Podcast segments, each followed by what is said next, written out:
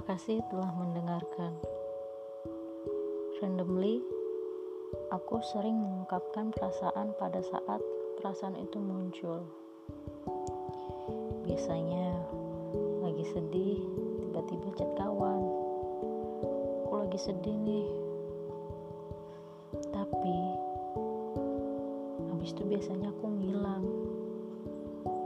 Beberapa jam kemudian, ketika hati lebih tenang, dan mereka empati menanya, "Ada apa? Kenapa? Ada yang bisa aku bantu?" Aku membalas chat yang aku mulai itu dengan "Gak apa-apa." Itu menanyakan hal hal lain, ya pengalian isu. Tapi jika benar-benar tenang, aku cerita.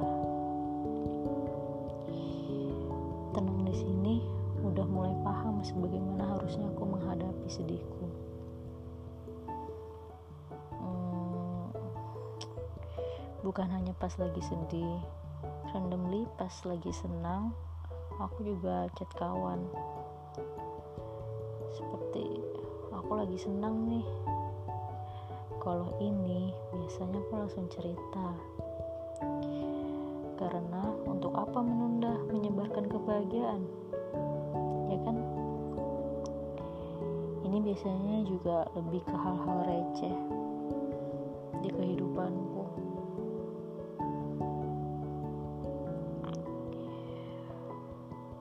Kemudian, karena emosi bukan hanya senang dan sedih, begitu juga saat aku kesal.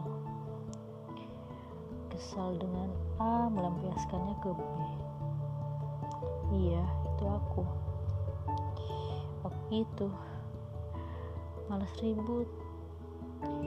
Tapi kalau sudah memang harus atau seharusnya aku akan ngomong ke A. Tapi tunggu kenyang dan bisa berpikir sebagaimana mestinya kasih untuk kawan-kawanku. Tanpamu, entah mungkin aku akan semakin terpuruk.